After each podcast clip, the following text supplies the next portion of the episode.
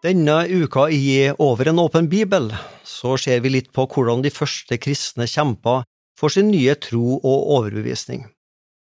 Apostelen Paulus han ber dem om å ikke gi opp kampen for troa på Jesus Kristus. De er som soldater for Jesus, og da trenger vi en god rustning å kle oss i. Dette bildet og denne kampen det kan vi lese om i Efeserbrevet kapittel 6, vers 10–18. Bli sterke i Herren, i Hans veldige kraft. Ta på dere Guds fulle rustning, så dere kan holde stand mot djevelens listige angrep. For vi har ikke en kamp mot kjøtt og blod, men mot maktene, mot myndighetene, mot verdens herskere i dette mørket, mot ondskapens ånde her i himmelrommet.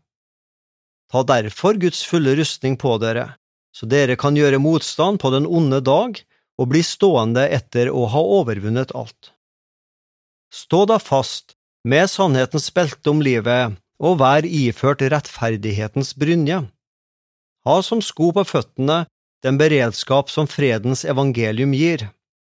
Grip fremfor alt troens skjold, som dere kan slukke alle den ondes brennende piler med. Ta frelsens hjelm og åndens sverd, som er Guds ord. Be til enhver tid i ånden, med all bønn og påkallelse. Vær årvåkne i dette, med all utholdenhet i bønn for alle de hellige.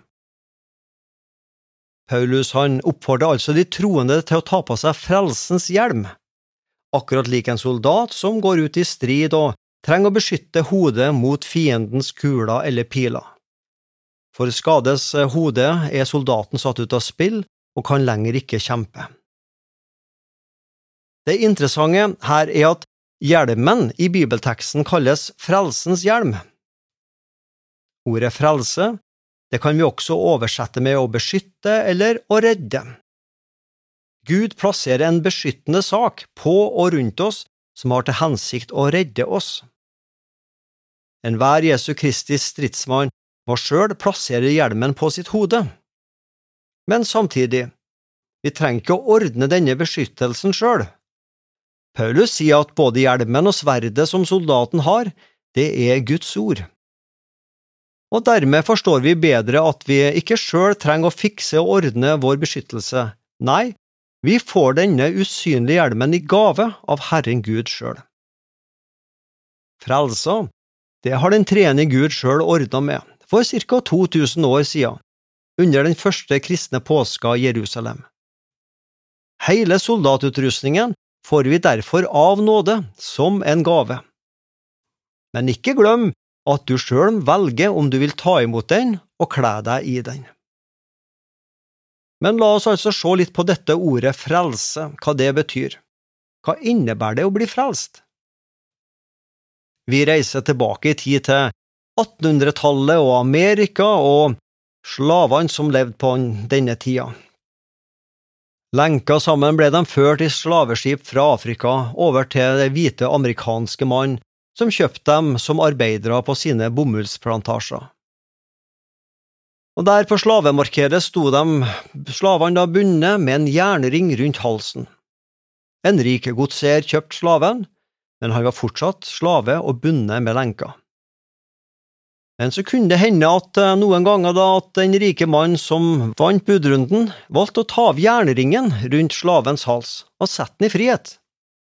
Nå var han ikke lenger slave, men en fullkommen fri mann. Og Grunnen til å nevne dette er at det norske ordet frelse opprinnelig betyr fri hals, og frelse det å få en fri hals. Slaven hadde ingen fri hals. Jernringen rundt halsen hadde til oppgave å holde slaven bundet. Den frie mannen, han levde uten en slik ring. Bibelen forteller oss at i utgangspunktet så er vi åndelige slaver. Egoistiske følelser, begjær og lyster, ja, både binder og styrer oss. Og i tillegg så styrer og former folkemeningen oss mer enn vi kanskje tør å innrømme. Og bak det hele så står den onde djevelen. Hans hovedoppgave er å ødelegge den friheten Gud opprinnelig hadde skapt oss til å leve i. Alt endret seg med Jesus, hans person og hans frelsesgjerninger. Jesus kjøpte oss fri fra synda som bandt oss. Og dette uttrykker disippelen Peter på følgende måte i sitt første brev. Dere vet at det ikke var med forgjengelige ting som med sølv og gull at dere ble kjøpt fri fra den dårlige ferd som var arvet fra fedrene. Nei, men med Kristi dyrebare blod, som blodet av et feilfritt og lyteløst lam.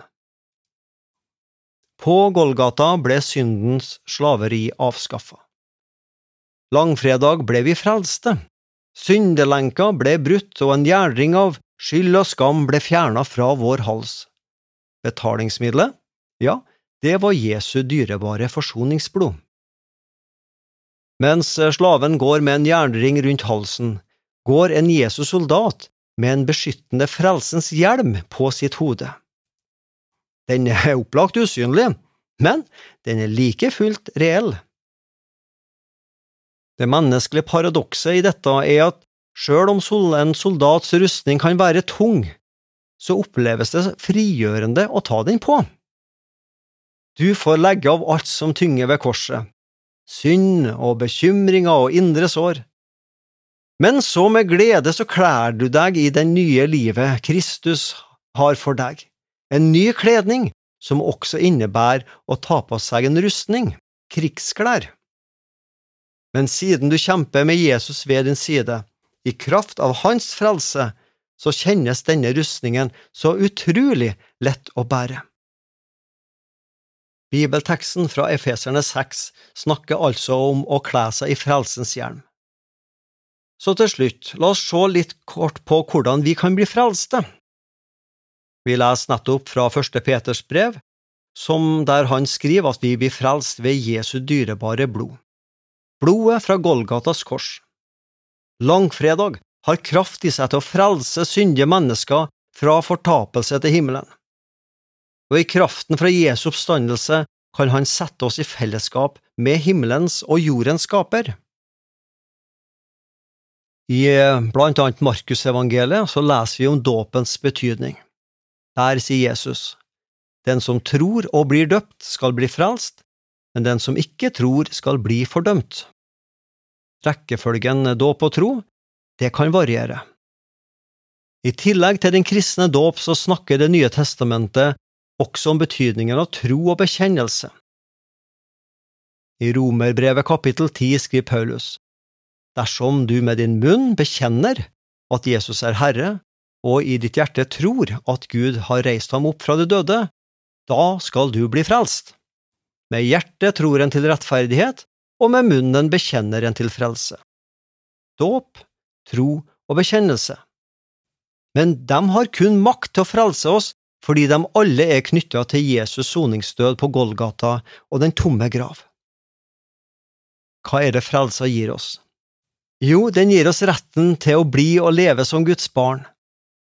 Johannes skriver alle som tok imot Jesus, dem gav Gud rett til å bli Guds barn. Vi blir Guds barn, vi får Gud til far, vi får Jesus til bror, og vi får Den hellige ånd til daglig følgesvenn og livsguide i livet. Fortid, nåtid, framtid blir endra.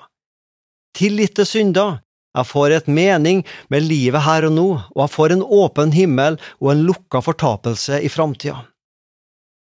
Du, en oppgjort fortid, et liv med mål og mening og en fremtid i himmelen. Hvem er det som vil gå glipp av det? Nei, det vil jeg ha del i. Så, hva nøler du med, du som ennå ikke kjenner Jesus? Ta imot og ta på deg frelsens hjelm. Og du som bekjenner deg til og er døpt til Jesus, Bær både hjelmen og resten av rustningen ved stolthet, for du fikk den gratis i gave av den tredje Gud. Takk, gode Gud, for frelsa, for friheten fra synda. Takk for den kristne dåp og tro og bekjennelse. Takk for at vi får være dine barn, i kraft av Jesu blod. Amen. Andakten i dag var ved Svein Anton Hansen. Serien produseres av Norea Mediemisjon. Les mer om oss på norea.no.